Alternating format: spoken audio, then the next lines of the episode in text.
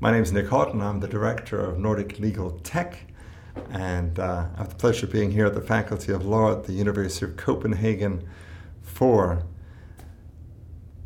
Technology, Law, and Trust, organized by the University of Copenhagen and us, Nordic Legal Tech. And um, got the pleasure of sitting across from Alice Armitage, professor at the University of California, Hastings College of Law. Thank you, Nick, for having me. Pleasure. Pleasure to be here. I had, um, you know, you talked on legal education in times of technology, colon, experimentation and innovation. And I was thinking, just specific to Copenhagen, uh, just I think yesterday or the day before, the Dean of the Faculty of Law um, was uh, questioned on whether or not he was preparing modern graduates for a world where they were going to have to be technically savvy. And I cannot but think that, yeah, UC Hastings, San Francisco, Silicon Valley, this is something you may have some opinions on. yes, I do. so, what do you say? Exactly. So, people say so much. Oh, we've got to teach them how to code. We've got this. We got that. What's your take? Well, I think that there's a lot more talk about innovation in the legal profession than mm. there actually has been. Dirty secret that goes for most businesses. Well, that's true. Um, but I think most industries have been to some extent disrupted in a way that the legal profession has not yet been, partly because the lawyers regulate themselves, and so they have built very strong and high walls around the profession, almost as if we were still in the um, medieval ages and we're an operating guild which in fact we are. But anyway, um, so we have made it very difficult um, for others to disrupt our uh, profession. I think it's coming anyway. I think it's going to come from clients no longer buying legal services the way that they used to. It's coming from lawyers in you know going in-house increasingly and working for the corporation so the corporation hires fewer outside attorneys and i do think that the practice of law itself will be affected by technology that it's already happened. E-discovery is already out there and accepted. Uh, con- the automation of contract review will happen quickly. There's already uh, legal tech startups that analyze cases and can spit out a, a sort of a, a, rudimentary analysis uh, of all the existing cases much faster than any human or team of humans could. And that will get better and better. So the way that the law is practiced will change, and I think we owe it to our students um, to teach them how to keep abreast of something that is constantly moving. So we can no longer say, well, the law is a static body of knowledge, and you just take the old cases and you kind of tweak them, and you can make that same principle or that way of thinking work for whatever has come down the the pike. Uh, thing first of all change is happening too fast. So it isn't that the legal profession hasn't been through change before. I mean look at railroads were created and suddenly from, and from um, law that was focused on an agrarian world suddenly it was the industrial revolution was happening. The law changed very slowly but also the the development of products was very slow so there was some time to kind of keep abreast of that. Now by the time lawyers and regulators figure out the, uh, something about technology that technology is practically obsolete and they're onto something else. So it's a it's a very different way of thinking about what what it takes to think like a lawyer and also the kinds of thinking that are that are important. And it's a much more multidisciplinary way of thinking that I think will keep our law students abreast of change as it happens. And the legal education system is not yet caught up to that. We're sort of trying, nibble, nibbling at the edges, so to speak, but it is not fully embraced in the way law is taught. Fascinating. I love it. I love the multidisciplinary use. So we always try to reach out to the um, the solutions and the mm-hmm. things you're working on one of our takes is we is we need everybody in the conversation, and so we bring together law firms, general counsels, academics, tech providers, and other. And my favorite mm-hmm. bit is other because that lets us bring in all kinds of wild cards. And I think in in the the multidisciplinary, bringing that in, who who are you bringing in? Ethicists, theologians, philosophers, historians. I mean, there's so many people you could bring in. Who do you bring into that? Well, you know, so far I'm trying to teach about law and technology. So I've been trying to bring in engineers, uh, but I also think it's very important to bring to take the framework that design thinking creates, this collaborative basis over which you try to get as many stakeholders in a the in the problem you're trying to solve. So problems that are addressed by design thinking often tend to be complex ones. Um, in the design thinking world, they're called wicked problems, but really they're just complex problems. And you try to get all of the people that are impacted in that in that space to collaborate. So that means, say, you're trying to change or think about the way transportation ought to work in a city. You would want, you know, not only the taxi industry and the, and the public transit people, but you want the Ubers and the Lyfts, the startups out there who are thinking around the edges. You want the people who use it. The most important people the people who use the, the transportation system. But you might also want people from the outside, say, aviation experts, because they are running a different kind of transportation system and could have some interesting insight um, as analog, you know, running an analogous kind of program. So you want as many people as you possibly can in the courses I teach, that's really difficult. So I try to have design thinkers and, and engineers in there because they're, to me, the central ones. Uh, but my students this semester are working with this, we're focusing on the legal issues um, that keep people on the street um, in San Francisco trying to address our homeless pro- homelessness problem.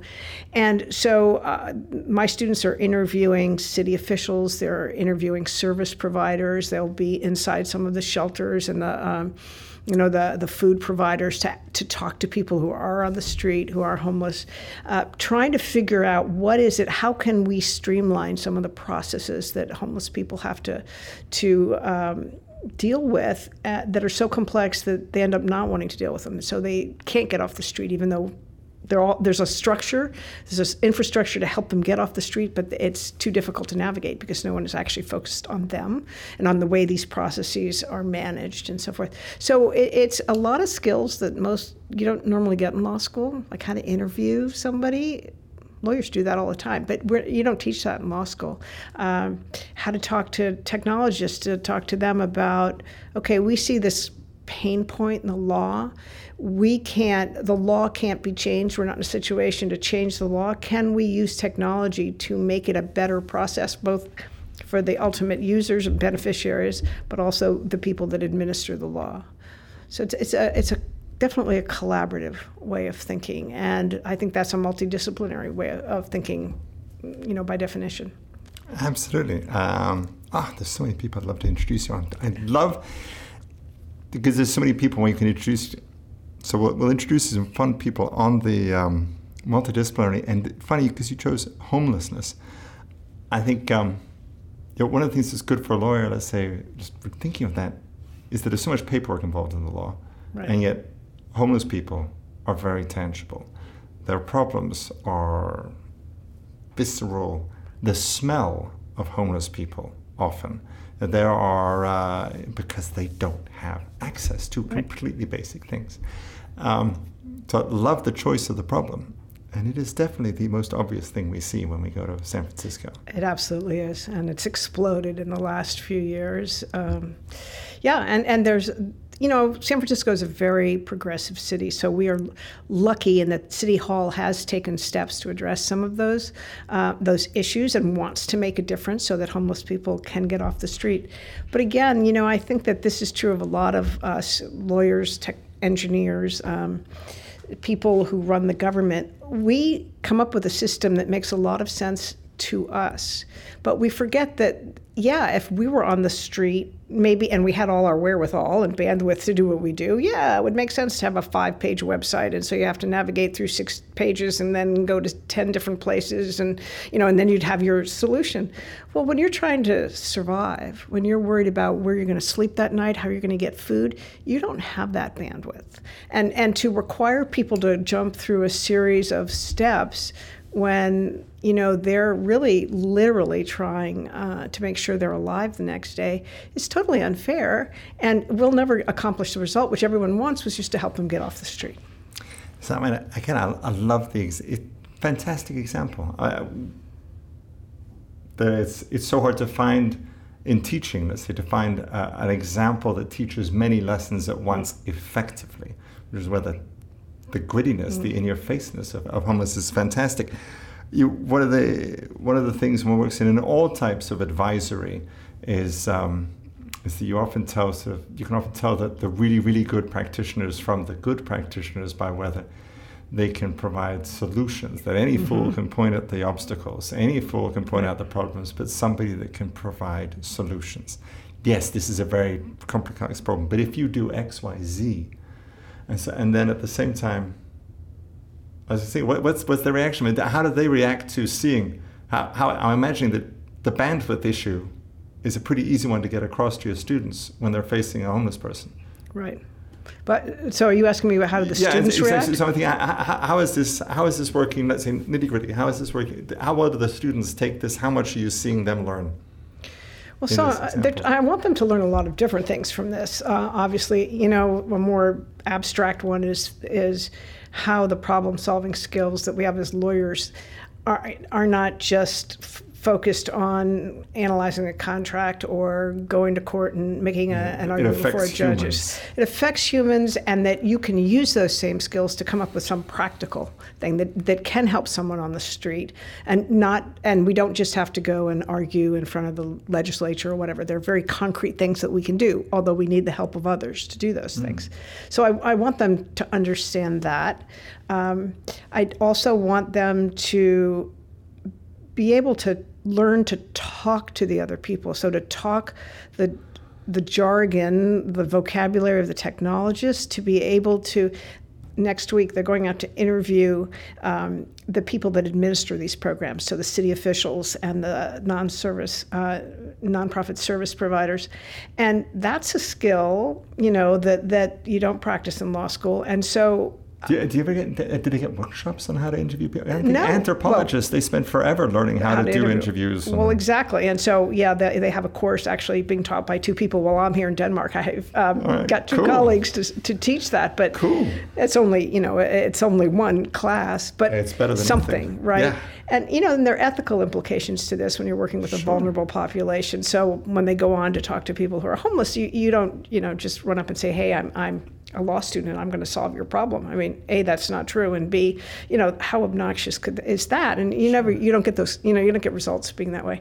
So it's teaching interpersonal skills in a way, how to, how to deal with yeah. an audience what do lawyers do all the time but read the person across the table and, and negotiate with them or try to get information from them so to me these are all skills that lawyers have to have the if great they're trial be lawyers know how to read a jury know how to read a totally yeah. but have we ever taught that in law school no why mm-hmm. it's teachable right? I think there's this, been this idea, well, we teach substantive things, and, and if you're good at that, you're good at that. And if you're not, well, go do some other kind of law.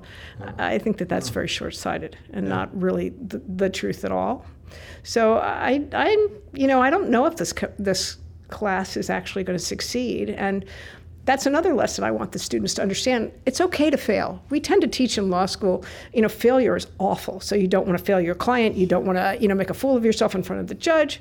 All of those things are true. On the other hand, failure you learn a lot from failure. You know, I, I, had two startups before I came into teaching. After practicing law, I had two different startups. They both failed.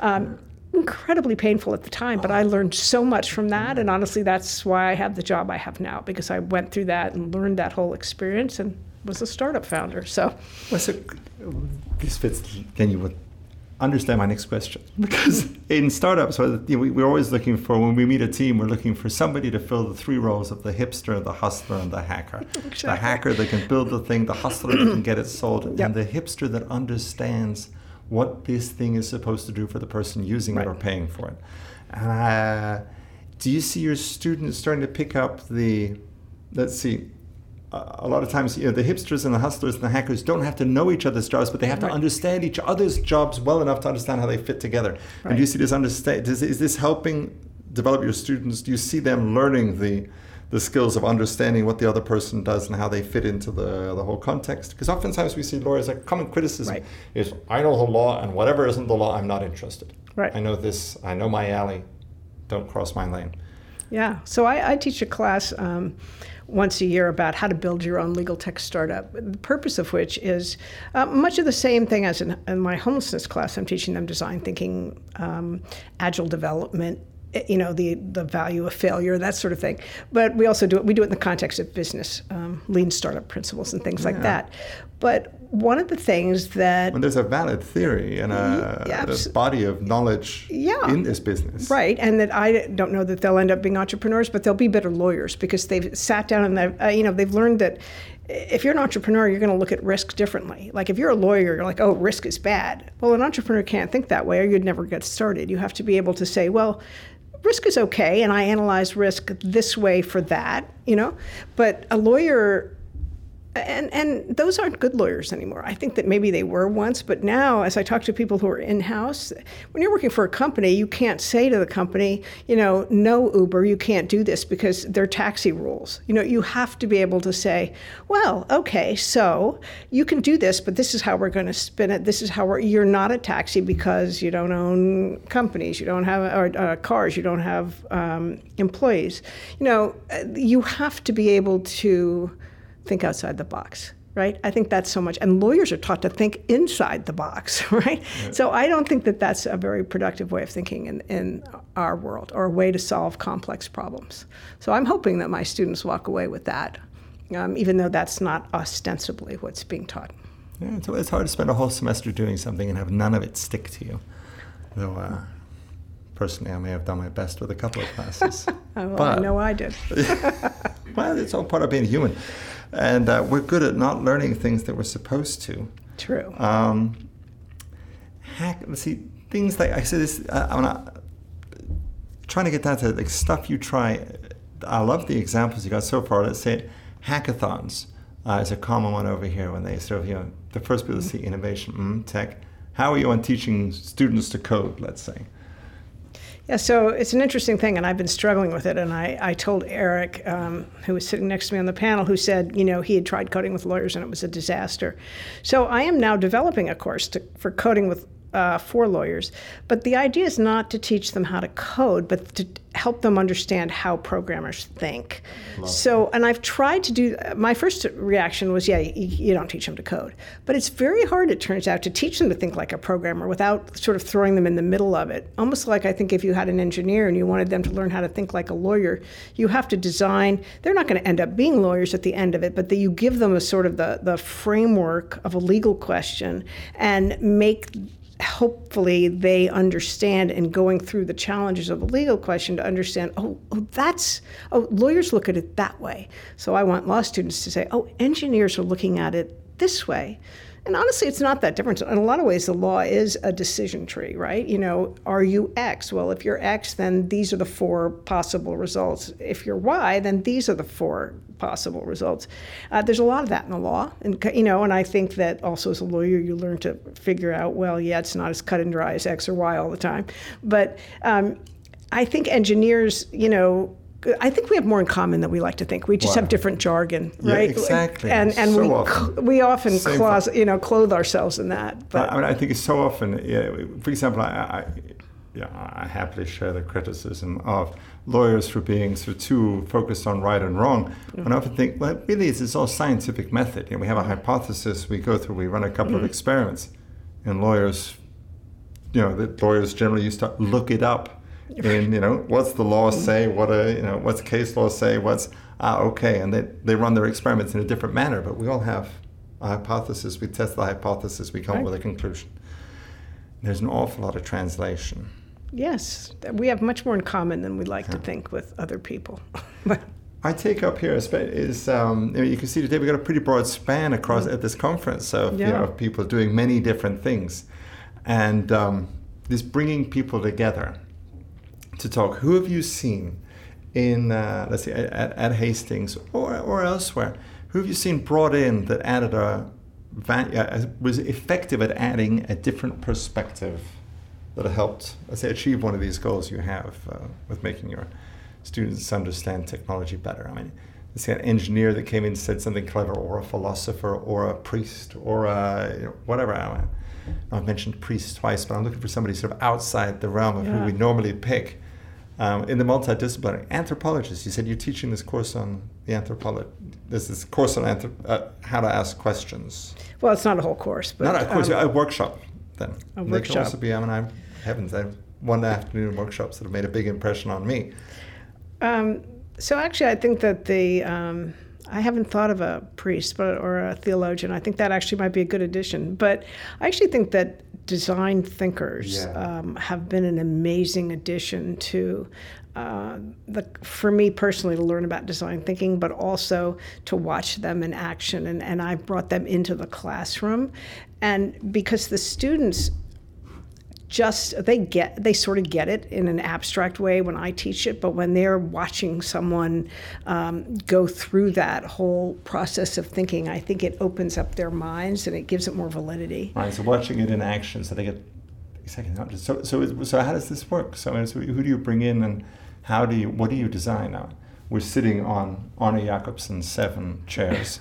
Because this is the standard issue chair in Danish academic institutions, not because we're necessarily design snobs, though we are. Yes, in and lucky you are. to be in, in Denmark to be Uh, able to be a snob. Well, this You is, you know, we're, we're very fond of furniture, and there is a technological. Actually, Right. part of this is that the uh, the technology of steaming wood, bending wood with Wow. steam, uh, apparently showed up here in the 20s, and there was this whole generation. Eames, all these people from came here. out of the same well, group of people. when. I was at the Viking ship, I saw that the Vikings were doing that when they they created their first canoes. They stretched. They, they managed to broaden them by having them steamed. That's why yeah, we've we've been yeah. Yeah, you've been doing it for There's a, we've gen- been doing it. We've been yeah, doing it for centuries. Exactly. We're good. At, we're good at wood.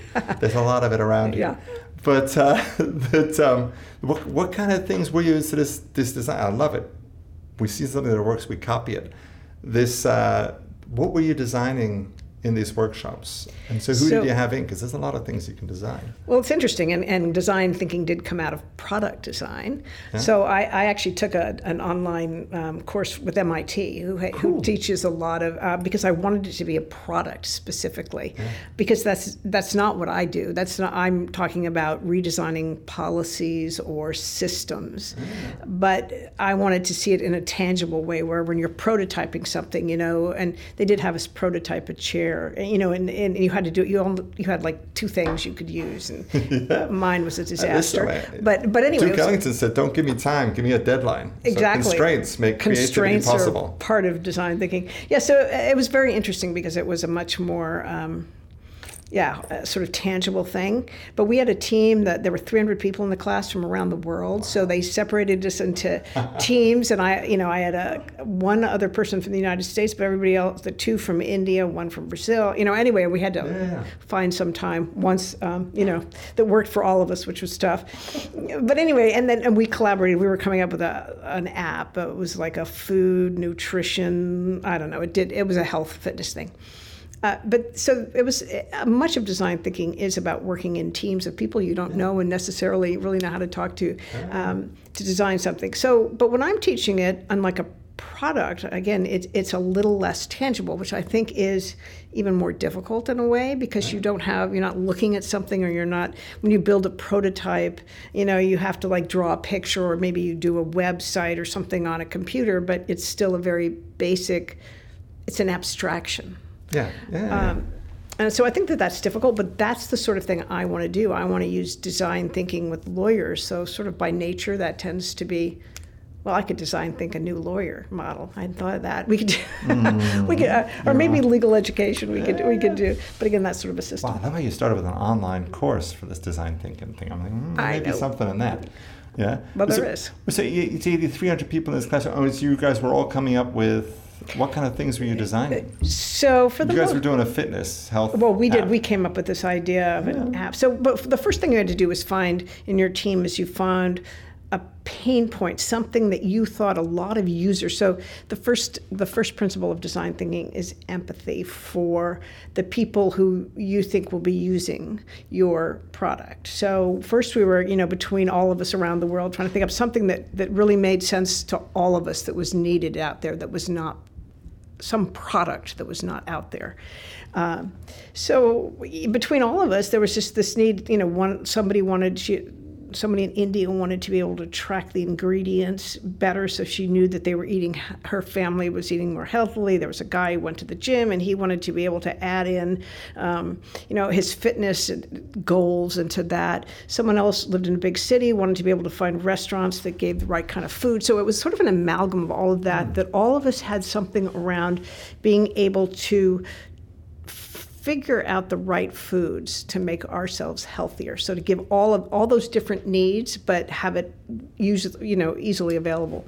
Um, and our we did pretty well with that you know trying to combine it all. And we were just drawing pictures. Ultimately we never created an app but we drew the okay so the first screen looks like that the second screen looks like that and we had algorithms that were you know personalizing and customizing everything. We did pretty well. We were one of the um, top three teams. We did a um, a pitch. There was a pitch in one of the online day, the last online day or something for um, for for our, our product. But but anyway, so it, it, but very much the thing about design thinking, even for policy, is the ultimate user is understanding the needs of the user, not your needs, but the user's needs. So when I come back to homelessness, it's like it doesn't matter that there's a system to waive fee accumulated fines and fees in San Francisco if it's a, has created a process that someone who's living on the street doesn't have the bandwidth to do.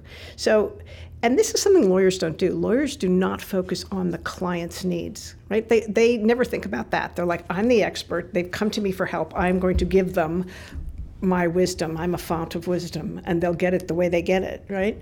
Well, and that's so built into all of legal education and everything that we are the experts and people come to us in, you know, dire need. And, and I just don't think that that's really going to stay the truth. Maybe if you're an incredible expert in, yeah. in the trend of the moment, but, but uh, forget technology. Change. If you can add that to the legal profession, good grief, the value right. you'll create, that's uh, tremendous. And I, I think that that will change the practice of law, and I think technology is part of that. So, and I use this example a lot, but say you're a, a, company that makes a product and it's sold around the world, but there are and and every country has different rules about because maybe there's potential safety issues. So you, know you, you, need to know what's happening around the world. So um, you, you have an outside law firm that does that and and sends you you know emails once a week with all this all the places changing their rules.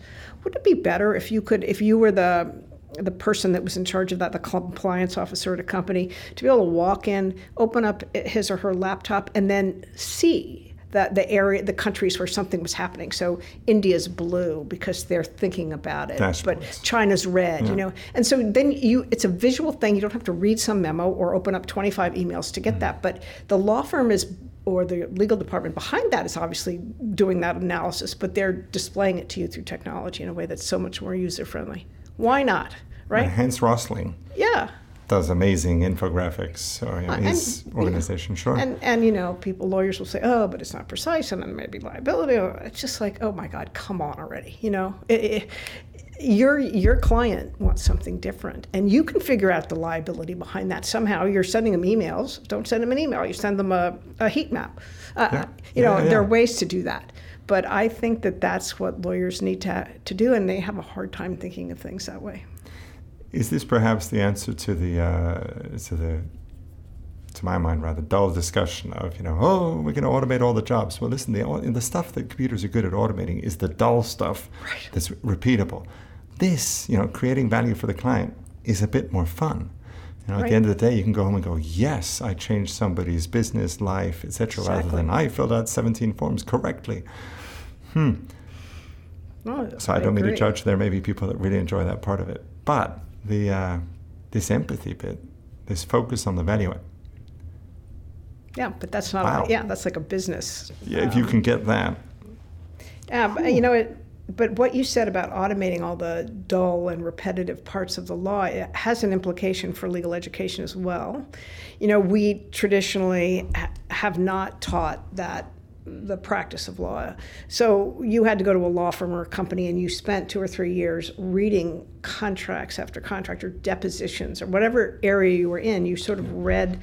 Um, you learned by reading and reviewing fundamental the fundamental documents of, of your area of specialization and it was dull and it was boring but after you'd read you know thousands of contracts, you had an understanding of what most indemnity clauses look like, or you understood that in the oil and gas industry, an indemnity clause was very different from in the real estate It's industry. the same thing a carpenter does Yeah, with nails. with you know, once yeah, you've you- knocked enough a nail, you're not. Mm-hmm. You know, that bit about 10,000 hours before you're an expert. So if you're not going to get that anymore, because that's going to be done by computer, how do you get to the next stage of being able to have that understanding to look at some contract that comes across your desk and know that's that there's something wrong with that indemnity clause? So, okay, so something I remember from grad school was that because I went to grad school, so I finished my bachelor's in '90. I started grad school in 2005, and the PC had showed up in the meantime. Um, we had word processing in the late 80s, but That was wonderful. the internet had arrived, for example, and um, that uh, sure enough, when first day of class, the profs used to say, you know, what we're using, and these are the software tools that are available to you for free from, for example, Microsoft. And Microsoft wasn't giving it to us for free because Oh, they God, were no. nice guys. They knew that once we got out somewhere, we'd be expecting to have Right. this sort of thing, and that those people would pay interesting licenses, interesting from a business point of view. You guys, is, is anything similar happening at law school? Oh. Do you say, you know, go ahead, these are the e-discovery tools, or There are a lot of e-discovery and companies. are they giving out free licenses to students over in the states? Yes, but the law school, at least the one I'm at, Yeah. is very careful about that because they understand that they are by letting one e-discovery company in, oh, right? Yeah. They've given People them were a huge innocent advantage. back in 2005. Yeah, exactly, Oh, right? you got all these free licenses. Yeah. So, so it's like, well, okay, but we're going to have to open it up to everybody who wants to get free mm. licenses. So there's that problem. But but beyond that, it's the professors who then have to figure out, oh, How e-discovery. How do I teach this, and what? And do I know it? Well, probably not, because Hmm. that professor's probably not been practicing. So, it's a we have an e-discovery class, but it is from a substantive point of view. Like, well, how does this change the evidence rules, or how do you use the evidence rules when something's been found through an e-discovery um, platform?